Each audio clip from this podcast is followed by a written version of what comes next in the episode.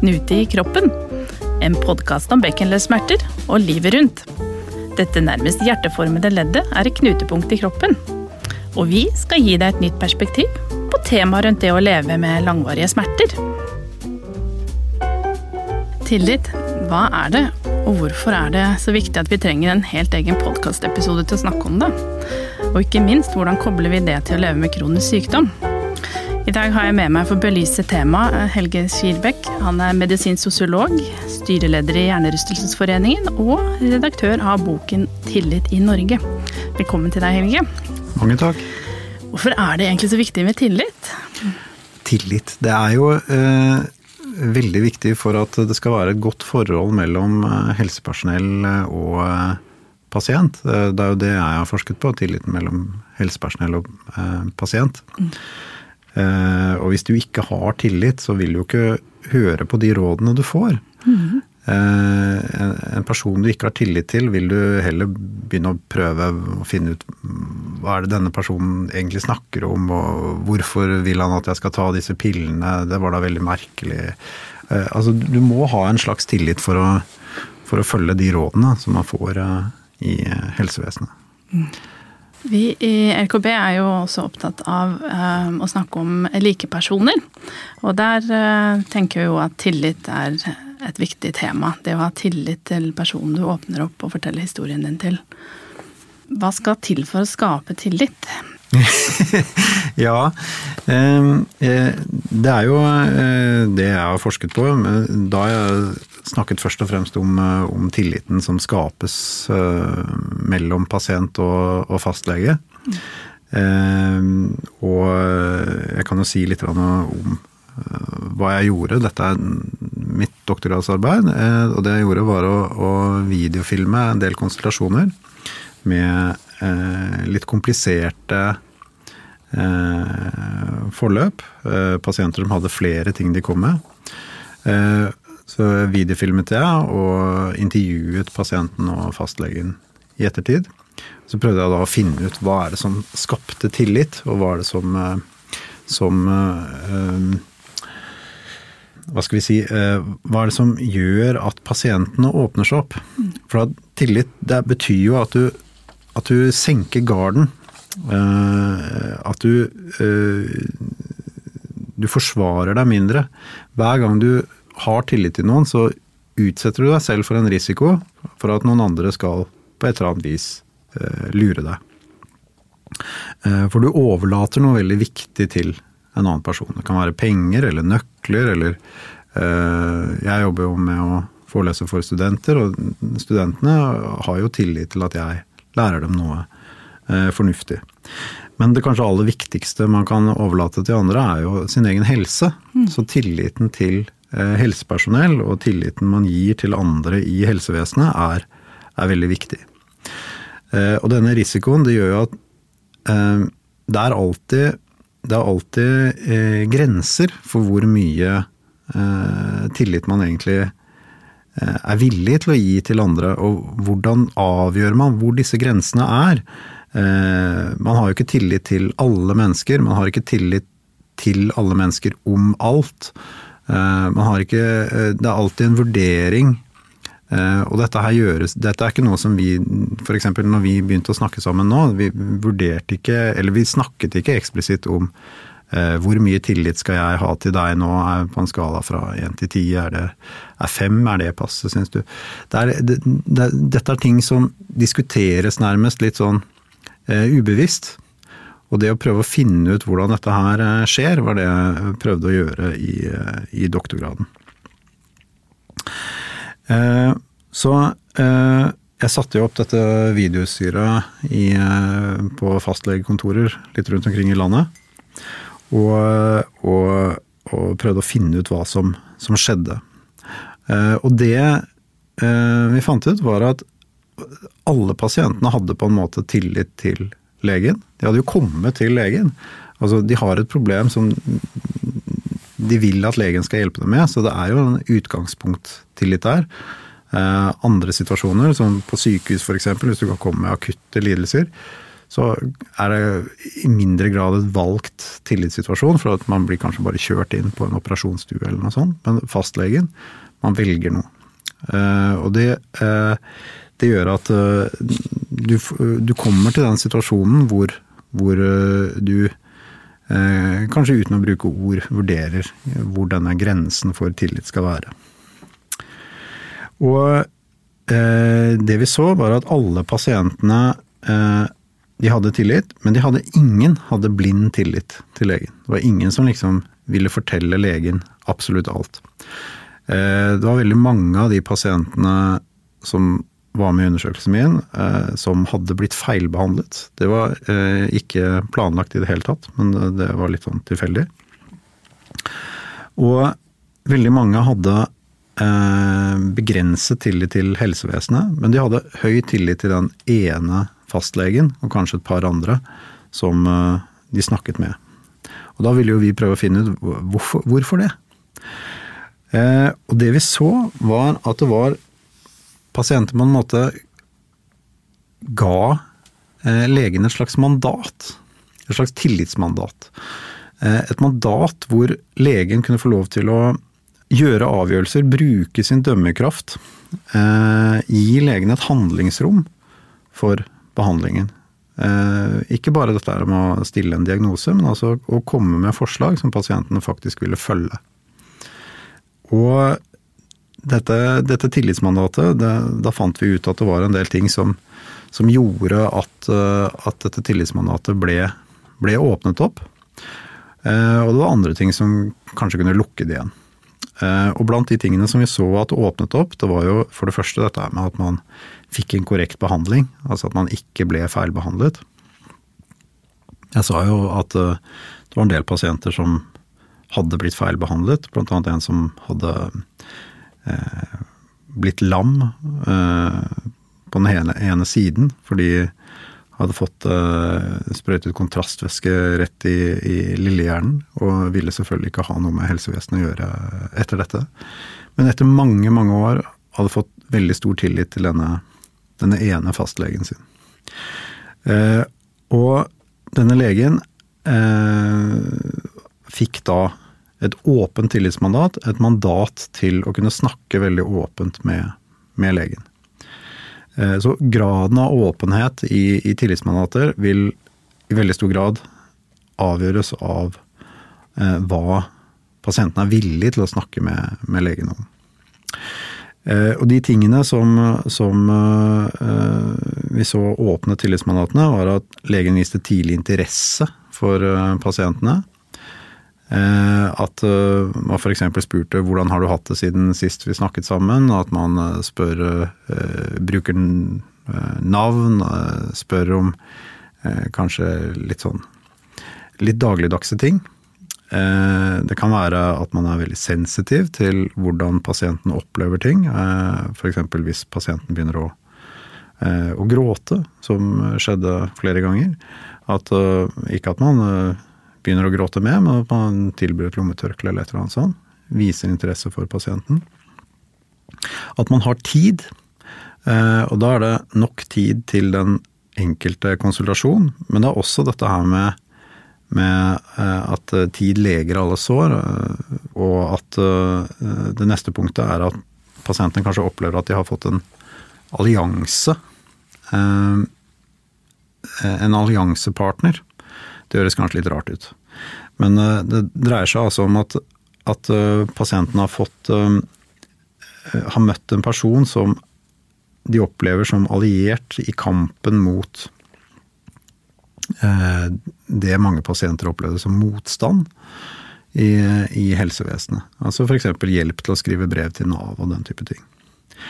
Og så Siste punktet var dette her at man også var villig til å eh, sette normal legeatferd til side, og heller gå inn i en eh, eh, mer medmenneskelig eh, rolleatferd.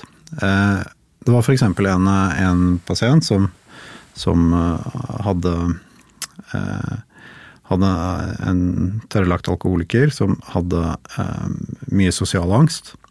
Og, og røkte ganske mye. Og og begynte å snakke litt om røyking.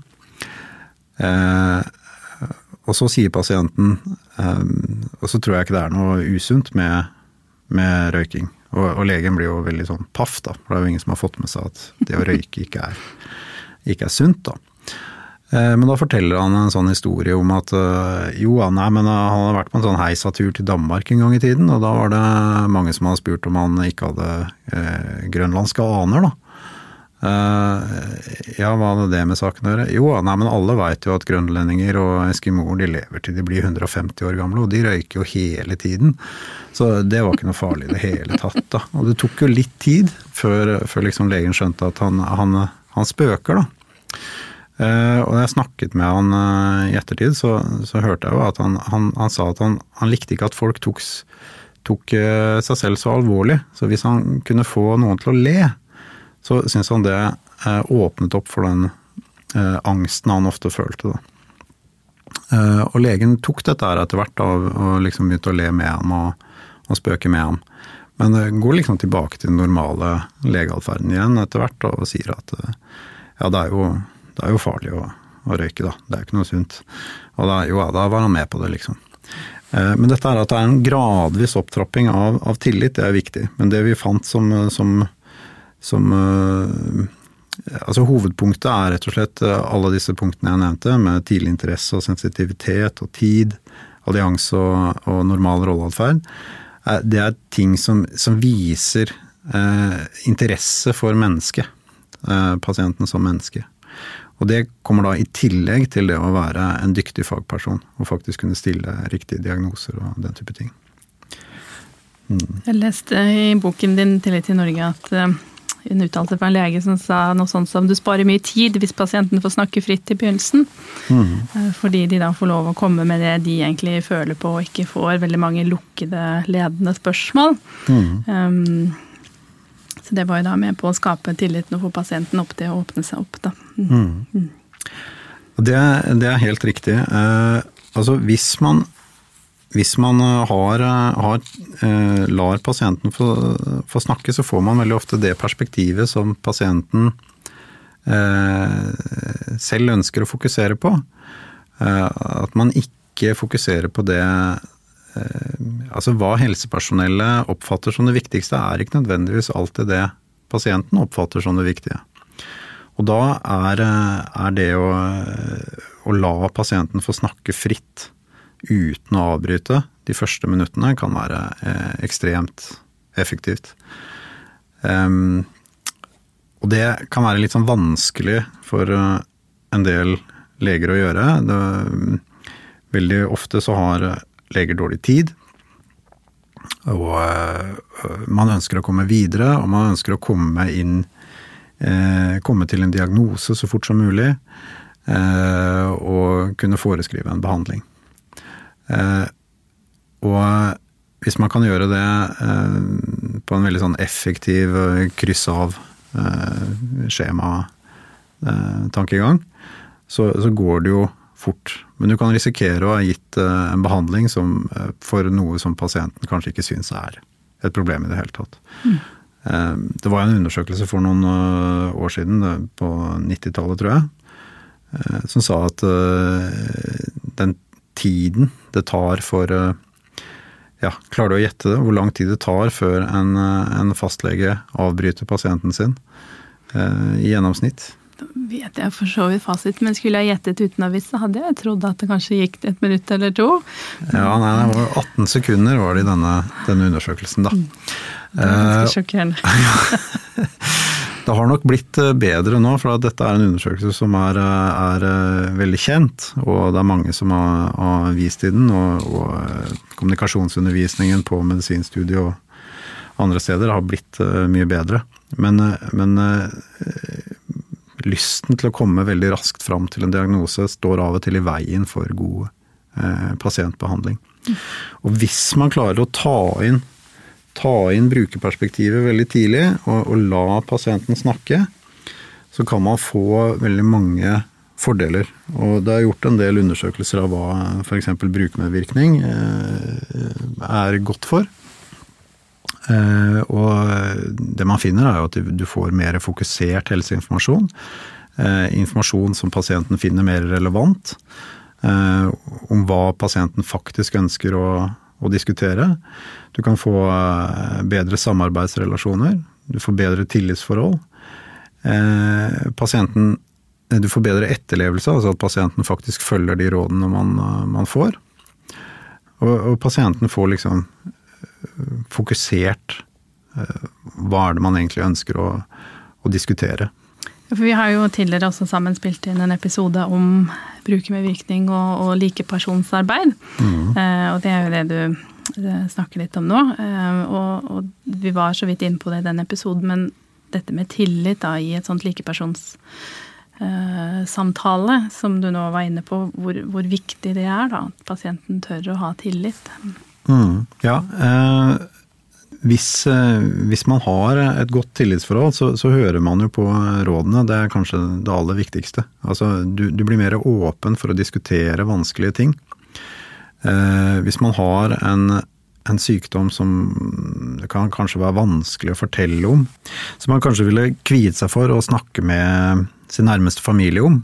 Eh, rett og slett fordi det er kanskje flaut, eller at det er eh, for personlig, eller at man vil ikke, man vil ikke uh, være til bry for uh, familien. men hvis man har dette åpne tillitsforholdet, og kan gi dette åpne tillitsmandatet til, til legen, så vil man også kunne diskutere ting som ikke er sånn superkonkret. da. Mm.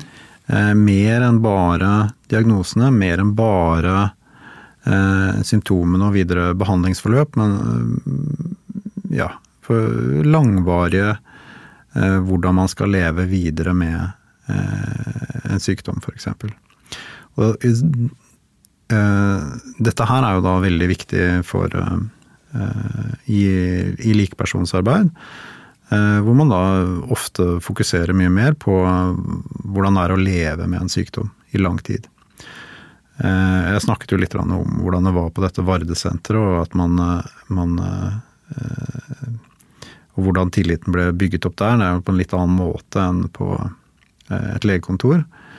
Men der var det jo mer at man møttes i en mer sånn hverdagslig setting. Mm.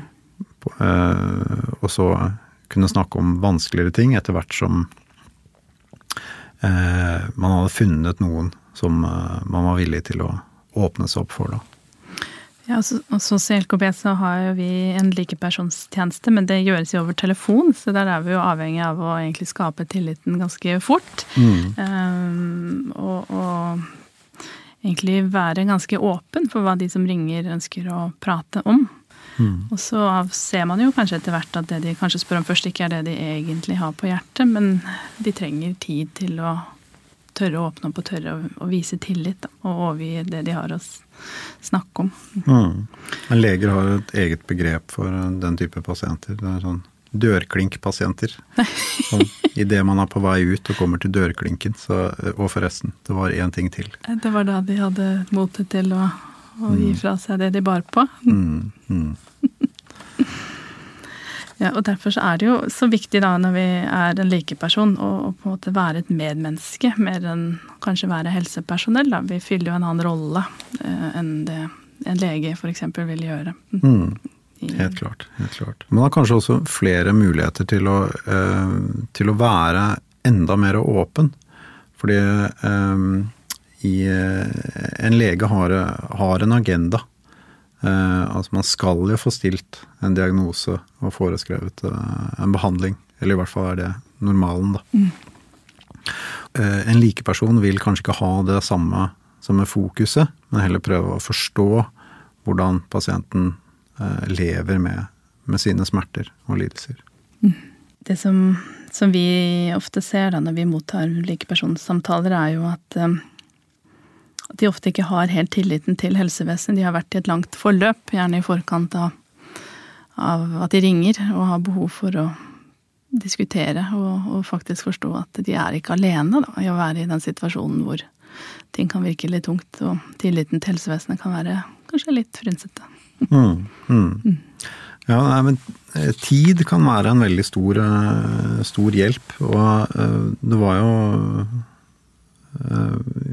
I den undersøkelsen jeg nevnte, så, så, var det jo veldig mange som hadde opplevd fæle ting da, i, i helsevesenet.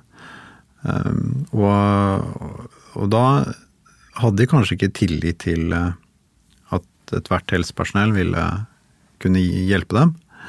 Men de hadde tillit til denne ene legen, eller ene eh, helsepersonellet, som kunne Som de hadde gitt et åpent tillitsmandat som de kunne snakke med. Det er for øvrig en ting som er litt viktig, da, at man har eh, et balansert syn på hva dette tillitsmandatet, hvor åpent det skal være. da. Altså eh, at legen og pasienten er, har en slags usagt forståelse av balansen. Mm. Eh, for eh, ja, jeg så et par eksempler på, på, leger og pasienter som hadde helt ulike syn på hvor åpent dette tillitsforholdet skulle være. Altså man bare skulle snakke om diagnoser, mens kanskje pasienten eh, helst ville snakke om, om hvordan det var å leve med den sykdommen man hadde. Og andre tilfeller hvor hvor, eh, hvor, legen gjerne ville snakke litt mer åpent om hvordan det var å leve med en lidelse, mens uh, pasienten syntes dette var helt upassende. Uh, når den balansen, når man ikke har kommet til den, den balansen av hvor åpent tillitsmandatet skal være, så kan ja, lege-pasient-forholdet være nokså dysfunksjonelt. Da. Altså at det, det, det er ikke Eh, ja, det kan føre til negative ting for egentlig både lege og pasient. Så mm. det, det, er viktig å få den balansen på plass. Det høres veldig viktig ut. I boken 'Tillit i Norge' så snakker du jo også mer om tillit i, i samfunnet, ikke bare i helsevesenet. Det er ganske interessant å lese om egentlig hvor viktig tillit er et grunnforhold egentlig for måten vi lever på. Mm. Og forholder oss til helsevesen, offentlige myndigheter, andre mm. ting. Så det er jo et bilde Det er viktig i et større perspektiv, da, dette med tillit. Mm. Ja, det stemmer. Det er jo, eh, det er jo et eh, litt annet perspektiv på tillit. Det er jo mye mer eh, et fugleblikk på, på tillit. Men hvis man ser på, på f.eks. nordmenns tillit til forskjellige statsinstitusjoner, da, storting, regjering, politi og helsevesen osv., så, videre, så har vi stort sett veldig eh, høy tillit til eh, institusjonene. Eh, og i tillegg så har vi veldig høy tillit til hverandre. Vi forventer rettferdig eh, behandling av hverandre. Og dette her er en veldig stor fordel, for det gjør at det er veldig mye eh, Vi blir ikke så forsiktige når vi har med andre å gjøre. Eh, vi tør å gjøre forretninger med mennesker som ikke er familiemedlemmer. Eh, vi tror ikke vi blir lurt hver gang vi har med andre mennesker å gjøre. Eh, og det er en kjempefordel. Eh, jeg har jo sett litt på hvordan dette her kan være i en del andre land. F.eks. hvis man skal bli enige om en, en pris, om å prute fordi man skal kjøpe et teppe eller et eller annet sånt noe. Det kan jo være veldig underholdende. Eh, men det betyr jo at man må bruke veldig mye tid på å finne ut hva som er den riktige prisen. Eh, det kan være eh, at man bruker veldig mye ressurser på å beskytte seg selv. Tillit betyr jo at du senker garden, men hvis du ikke er villig til å senke garden, så trenger du beskyttelse. Mm. Så veldig mange steder vil man jo bygge murer rundt husene sine, fordi hvis man har noen verdier, heller enn å liksom bruke ressursene sine til å uh, utvikle forretninger. Altså det mest sånn ekstreme eksempelet på uh, tillitsfull handel er jo sånn som vi ser på en del fjellhytter, og i og for seg langs veiene i Danmark, at man bare setter ut i Danmark, da. at man bare setter ut et bord med noe grønnsaker og kartofler og sånn, og så setter man en prisliste og så en liten kasse hvor man kan betale til og det er ingen som kontrollerer noen ting. Og da har du startet en forretning bare ved å eh, uten å ha noen kontroll. Eh, og det er selvfølgelig et eksempel på at tillit gjør at forretninger er veldig mye enklere i, i land som Danmark og Norge. Hele Norden er i og for seg preget av veldig høy tillit. Og eh, norske fjellhytter er det jo tilsvarende. Man setter ut noen eh, boller og gjerne en, en, eh, en, kurv med plass til penger. Um, mens andre steder så vil man jo bruke veldig mye krefter og, og energi på å prøve å forsvare seg mot å bli svindlet på forskjellig vis. Jeg tror mye av dette har med hvordan, hvordan uh, samfunnsutviklingen har vært. Uh, man kan jo tenke seg at det har noe med med tradisjonen for at man For at ikke-skriftlige avtaler er, er, bindende, som har eksistert veldig, veldig lenge. Eh, men det kan også være eh, litt nyere ting. Eh, F.eks. utviklingen av organisasjonslivet på begynnelsen av 1800-tallet. Jeg gjorde en liten sånn sammenligning av hva som skjedde i Sør-Italia under Italias samling på slutten av 1800-tallet, og innføringen av parlamentarismen i Norge på slutten av 1800-tallet. Fordi begge steder så var det eh, en del sånn folkelige bevegelser som, eh, som eh, ja, prøvde å, å få innflytelse. I Italia så var det anarkistiske bevegelser, eh, Farsi Siciliani, som, som ønsket mer høyere lønn og, og bedre arbeidsforhold.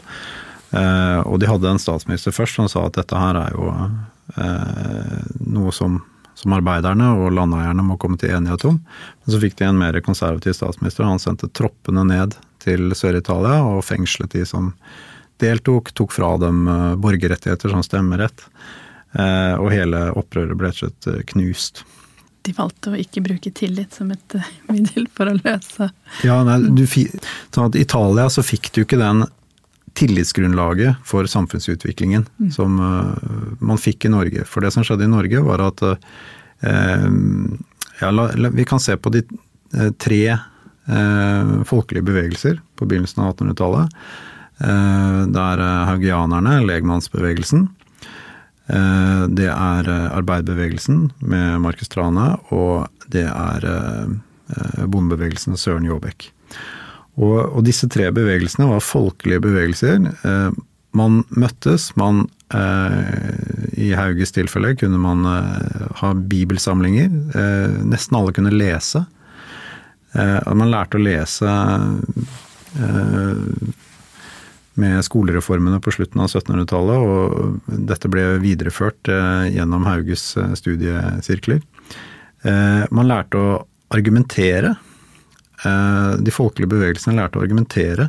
Sånn så eh, embetsmannsstaten, eh, som da var preget av, av opplysningstidsidealer, eh, kunne delta i debatter med, eh, med disse folkelige bevegelsene, og skjønte at her er det, eh, her er det rasjonelle grunner til å høre på dem. Og man fikk debatter Eh, og eh, embetsmannsstaten kunne skjønne at eh, her kunne man gi fra seg makten uten at man risikerte revolusjon, og uten at man risikerte å bli henrettet av mobben. Som da faktisk var tilfellet i en del andre steder hvor det ble revolusjon. Så vi fikk fredelige maktoverganger. Eh, og det er en kjempefordel for et hvilket som helst eh, samfunn. Da kan vi kanskje konkludere litt med at tillit er viktig i mange lag i samfunnet. Men særlig i likeperson- og brukermedvirkningsperspektiv, som eh, vi startet å innlede med. Tillit uttrykkes gjerne da gjennom en vilje til å akseptere hva den andre sier, uten å spørre om hvorfor. Mm. Og det er viktig å ta med seg hvis man ønsker å være en likeperson. Mm. mm. Takk for at du var med oss i dag og snakket om tillit, Helge. Mm. Takk for at jeg fikk komme. Det å oppleve bekkenleddsmerter er krevende, men du trenger ikke stå i det alene. Du finner en å snakke med på lkb.no.